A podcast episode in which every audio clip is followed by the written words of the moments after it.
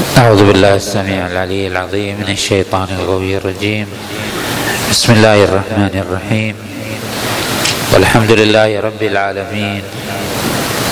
والصلاة والسلام على أشرف الأنبياء والمرسلين سيدنا وحبيب قلوبنا أبي القاسم محمد.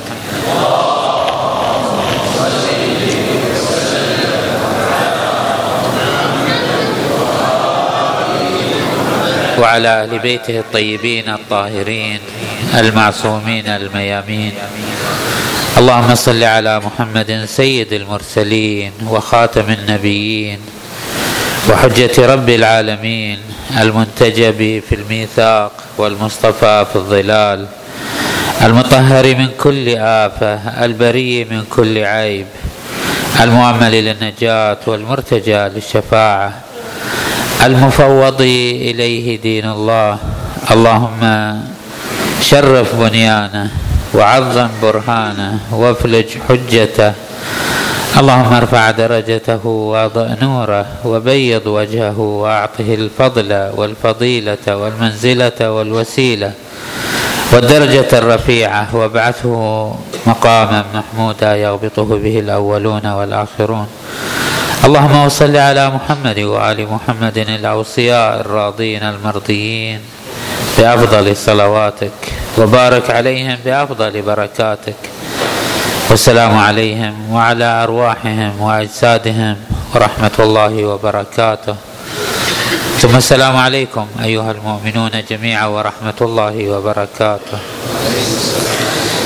قال عز ما قال في محكم كتابه الكريم بسم الله الرحمن الرحيم ولولا أن يكون الناس أمة واحدة لجعلنا لمن يكفر لمن يكفر بالرحمن لبيوتهم سقفا من فضة ومعارج عليها يظهرون ولبيوتهم أبوابا وسررا عليها يتكئون وزخرفا وإن كل ذلك لما متاع الحياة الدنيا والآخرة عند ربك للمتقين ومن يعش عن ذكر الرحمن نقيض له شيطانا فهو له قرين.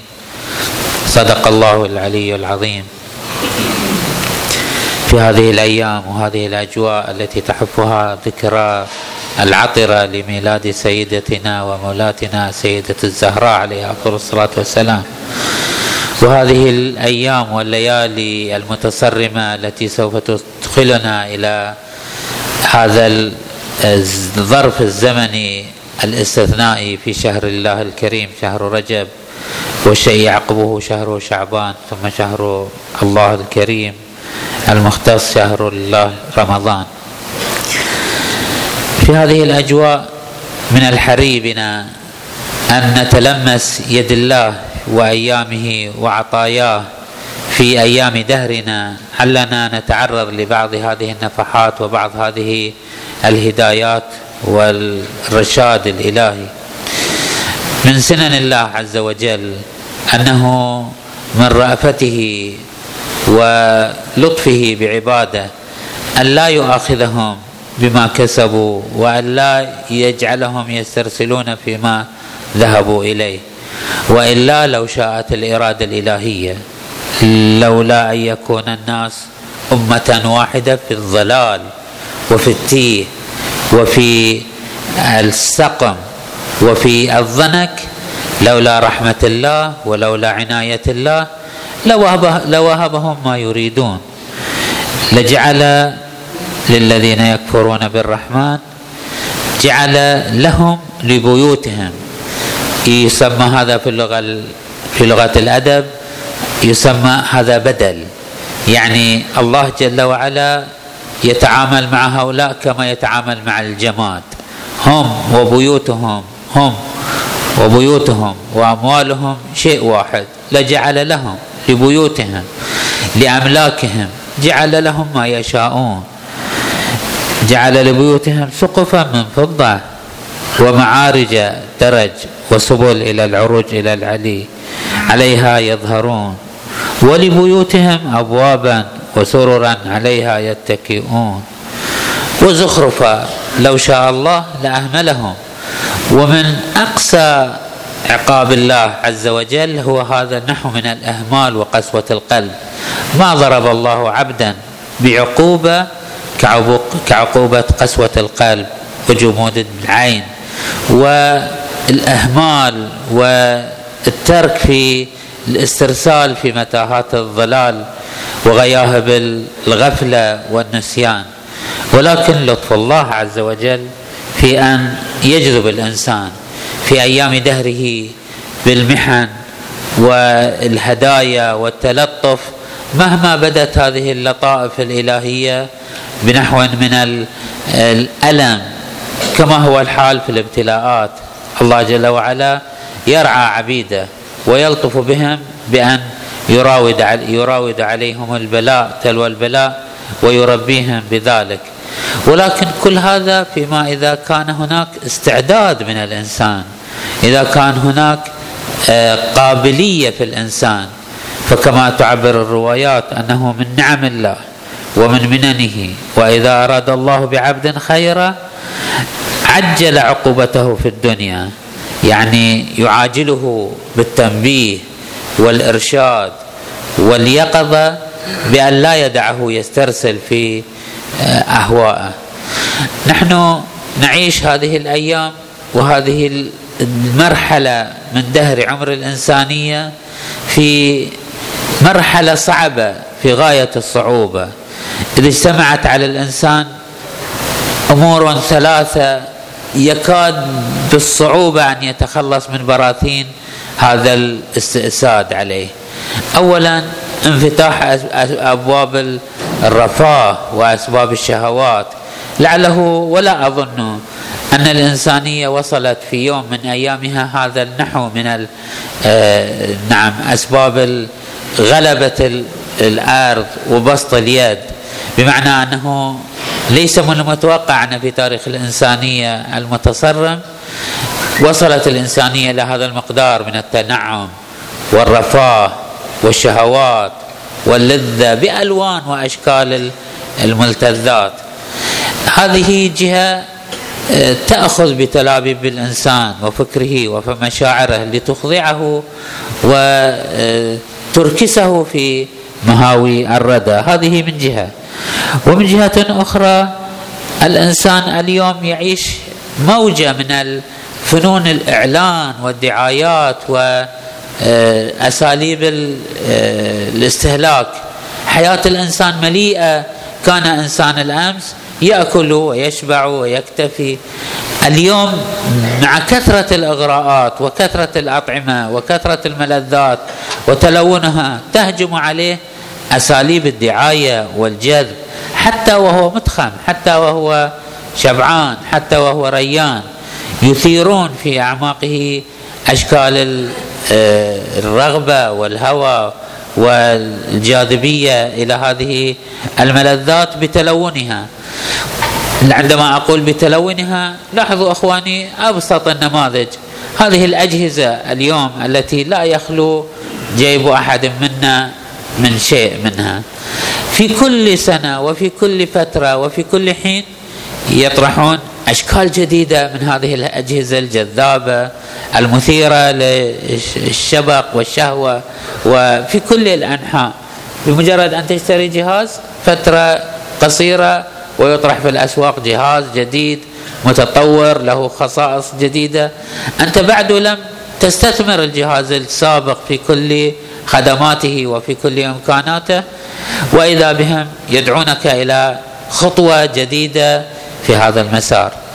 الجهة الثالثة وهي أيضا تساهم في إرباك الروح والنفس والفكر هي هذه الانفتاح المطلق على الآراء والأفكار والتصورات التي ملئت بالتشكيكات والاحتمالات في كل شيء هناك تشكيك في المذهب هناك تشكيك في الدين هناك تشكيك في الوجود هناك تشكيك في العقيدة هناك تصورات وآراء ولا تبقي الإنسان على حالة من الاستقرار والهدوء. في كل المجالات يوجد احتمالات وأطروحات وتصبغ بصبغة علمية وبحوث ليست كلها مجرد هراء مصرف. نعم هي لا تنطوي على لا تخلو من الانطواء على كثير من الخلل وعدم القوامية ولكنها تصبغ باشكال من البحوث العلمية والمقدمات والدراسات وتقدم وتطرح في أيدي القادرين على معالجة هذه الأمور وغير القادرين. فتسبب حالة من القلق والإضطراب. ومجموع هذه العناصر الشهوة والدعاية والإرباك الفكري. هي التي ساقت إنسان اليوم وأقصد إنسان اليوم كل الإنسان وعلى كل وفي كل المساحات الجغرافية. إنسان اليوم يعيش حالة من التيه والضنك والضياع والإرباك. إخواني هذا الذي أقوله ليس مجرد اصطلاحات متتالية هذه تحكي عن واقع بشري. يقال لو أننا نذوق ونعيش حالة الاطمئنان حالة السكينة حالة اللذة بالارتباط بالله عز وجل حالة القوة في العلاقة بالله عز وجل. ندرك كم نحن نحن المؤمنون نحن الموالون نحن الأقرب إلى الله عز وجل فضلا عن الأمم. التي أخذتها مساحات التيه إلى أفاق من الجهل وحاله من القلق والاضطراب. أقول نحن لا نزال نعيش حالة من البعد عن الاطمئنان والسكينة. في كل آفاقنا مع الأسف على المستوى الإدراك والتصور والفهم ومعرفة هذا الكون وعلى مستوى المشاعر والأحاسيس والإطمئنان القلبي وعلى مستوى العلاقات الاجتماعية والسكينة الاجتماعية في العدالة والاقتصاد والسياسة والأسرة. هذا الواقع الإنساني يثير في الإنسان حاجة ورغبة و إدراك وحساسية شديدة في أنه يجب أن ننطلق وننبعث ونثور ونتوجه إلى أن نجدد العلاقة مع الله والعلاقة مع الكون والعلاقة مع العقيدة والعلاقة مع كل هذا الوجود.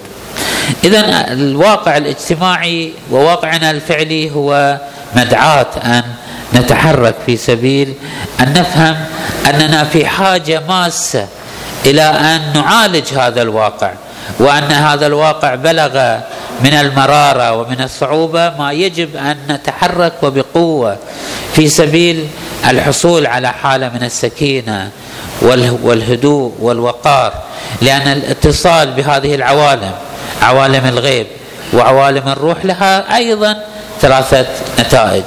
الأولى وهو ما يعبر عنه القرآن الكريم اطمئنان النفس سكون النفس. النفس تنطوي كما هو الحال بالنسبة للبدن. البدن ينطوي على حاجات وتطلعات لا يطمئن ولا يسكن حتى تشبع من الجوع واللباس والمنام والمأكل والمنكح وغيرها من الاحتياجات. ولكن إشباع هذه الاحتياجات الغريزية البدنية لا تحقق للإنسان تمام الاطمئنان. لأن للروح أيضا احتياجاتها. احتياجات في أن يفهم هذا الكون. نفس فهم هذا الكون بغض النظر عن المشاعر والأحاسيس. أن يعيش الإنسان حالة من التيه حالة من الارباك من أين وفي أين وإلى أين. نفس هذه التساؤلات تبقى تلح في أعماق الإنسان. ما لم يجب على هذه الأسئلة بإجابة واضحة بينة قوية محكمة بعيدة عن التخريص بعيدة عن التظني. بعيده عن التشويشات التي شاعت اليوم في آه، في حياة الانسان اليوم ما لم يجب عن هذه الأسئلة التي تسمى أسئلة فلسفية، أسئلة كونية، أسئلة استراتيجية، أنا من أين؟ كيف وجدت؟ قد تضمر هذه الأسئلة لكنها لا تموت قد يشتغل الإنسان ببعض ملذاته فتضعف إحساسه بهذه الأسئلة ولكنها تبقى ذات شعلة وذات أثر وذات حاجة ما لم يجب عليه الإنسان على المستوى الفكري فإنه سوف يبقى قلق مضطرب خصوصا في في موارد الامتحان والابتلاء. حياة الإنسان ليست دائما مستقيمة. مشغول الإنسان بملذاته ومأكله ومشربه فيكف عن الحاجة عن هذه التساؤل. تنتاب الإنسان أوقات من المرض أوقات من الجوع أوقات من الخوف. لا تدفع هذه الأحاسيس إلا إدراكه هو من أين وفي أين وإلى أين. ما لم يمتلك فلسفة واضحة جلية. تبين له حقيقة هذا الكون فلن يستطيع أن يواجه هذه الابتلاءات والصعوبات. هذه من الجهة الفكرية. من الجهة الروحية القضية أوضح وأجلى. عندما يطمئن الإنسان وليس كما يعبر القرآن الكريم؟ ألا بذكر الله تطمئن القلوب؟ ألا أداة حصر لا تطمئن النفوس لا تطمئن الأرواح. مهما شبعت الأبدان مهما اكتفى الإنسان ببعض مقدمات الحاجة فإنه يبقى في حاجة إلى أن يشعر أنه يركن إلى ركن وثيق يتمسك بقدرة جبارة بقدرة الله عز وجل. ما لم يشعر أن هذا الكون كله كل ما في هذا الوجود في خدمته ومعه ويؤوب معه ويسبح معه لن يشعر بحالة من الأطمئنان والسكينة. ما لم تتضح الصورة الفكرية ولا من وما لم يستقر الروح القلب الروح الوجداني والنفسي لن تستقيم سلوك الإنسان في حياته مع أسرته مع بيته مع مجتمعه. فهذه النتائج الثلاث هي حاجة الإنسان إلى المعاني الروحية. يبقى أنه عمليا نحن. كيف يجب أن نتحرك في هذه الأيام وفي هذه الأوقات وفي هذه الساعات القادمة حتى نتهيأ لشهر الله الكريم رجب ويعقبه شهر شعبان؟ ثم ندخل في شهر الله الكريم ونحن قد تسلحنا وتهيأنا وأخذنا أهبتنا من الاستعداد لهذه المرحلة. أول نقطة هو أنه يجب أن نثير في أنفسنا وفي قدراتنا التي تسمى بالنفس اللوامة. بأن نشعر ما نحن فيه من تخلف وما نحن فيه من ألم وما نحن فيه من نقصان. يجب أن نفعل هذه النفس اللوامة وأن نعطيها مداها في فهم هذا المعنى. بأن ندرك أننا في غاية البعد عن الله عز وجل والبعد عن الاستقرار والبعد عن السكينة. ثم بعد ذلك نرجع إلى الله عز وجل بالتوبة والأوبة. طبعا أهل الأخلاق وأهل دراس الأخلاق يقسمون مرحلة الرجوع إلى الله عز وجل بالتجلية والتخلية وما شكل ذلك. نحن لا نريد أن ندخل في هذه الاصطلاحات. نريد أن نقول أن الإنسان آه نعم مهيأ ومصنوع بحيث يرجع إلى الله سبحانه وتعالى بأن جعلت في نفسه النفس اللوامة. النفس هي واحدة وليست هناك تعدد نفوس ولكن النفس لها أعمال ولها مقامات ولها أدوار فهي اولا تشعر بحالة من اللوم. ثم تنطلق في الرجوع إلى الله عز وجل. يقول الله عز وجل إن, إن لربكم في أيام دهركم نفحات ألا فتعرضوا لها. الله عز وجل مهيئ للإنسان أسباب التوبة وأسباب الرجوع إليه. هذه الأيام ليست مختصة بهذه الأشهر الكريمة هي مفتوحة في كل الأوقات ولكن في هذه الأوقات تكون النفحات والعطايا الإلهية كثيرة وعميمة فنحن في أمس الحاجة في هذه الأوقات إلى أن نرجع إلى الله عز وجل. أخيرا أقول أنه الرجوع إلى الله عز وجل ليس خاص بمرتبة يعني ليس العاصي يرجع إلى الله والإنس وإنما كل إنسان يجب أن يتحرك في سبيل الرجوع إلى الله من مرتبته؟ إن الله يحب التوابين ويحب المتطهرين. التوابين الذين ينتقلون من حالة إلى حالة أحسن. الرسول صلى الله عليه وآله وهو أكمل البشر وهو النموذج الأتم للإنسانية. يقول صلى الله عليه وآله إن لي مع الله وقت لا يسعني ملك مقرب ولا نبي مرسل. يعني هو أيضا صلى الله عليه وآله يتحرك في سبيل الرجوع إلى الله خصوصا في هذه الأيام وفي هذه المناسبات. هو صلى الله عليه وآله كبقية البشر يتعرض للنفحات الإلهية. أخيرا أقول أنه الآيات الكريمة تؤكد أنه نحن اليوم في أمس الحاجة إلى الرجوع إلى الله. يقول الله عز وجل حتى إذا أخذت الأرض زخرفها زخرفها وزينت وظن أهلها أنهم قادرون عليها أتاها أمرنا ليلا أو نهارا فجعلناها حصيدا كأن لم تغن بالأمس. كذلك نفصل الآيات لقوم يتفكرون. إخواني نحن هذه الأيام لسنا في حاجة إلى أمور فكرية وأمور نظرية. نحن في أمس الحاجة إلى موعظة إلى حركة روحية إلى الإحساس بأهمية أن نتوب إلى الله. ننجو بذلك في دنيانا وأخرانا. فقط نحتاج إلى نهضة روحية نحتاج إلى انبعاث وانبثاقه روحية. نحن في أمس الحاجة إلى أن نتحرك حركة عملية في سبيل الرجوع إلى الله عز وجل لتستقيم بذلك دنيانا وأخرانا. نرجو من الله سبحانه وتعالى أن يوفقنا وإياكم إلى ما فيه الخير في الدنيا والآخرة. والحمد لله رب العالمين. وصلى الله على محمد واهل بيته الطيبين الطاهرين.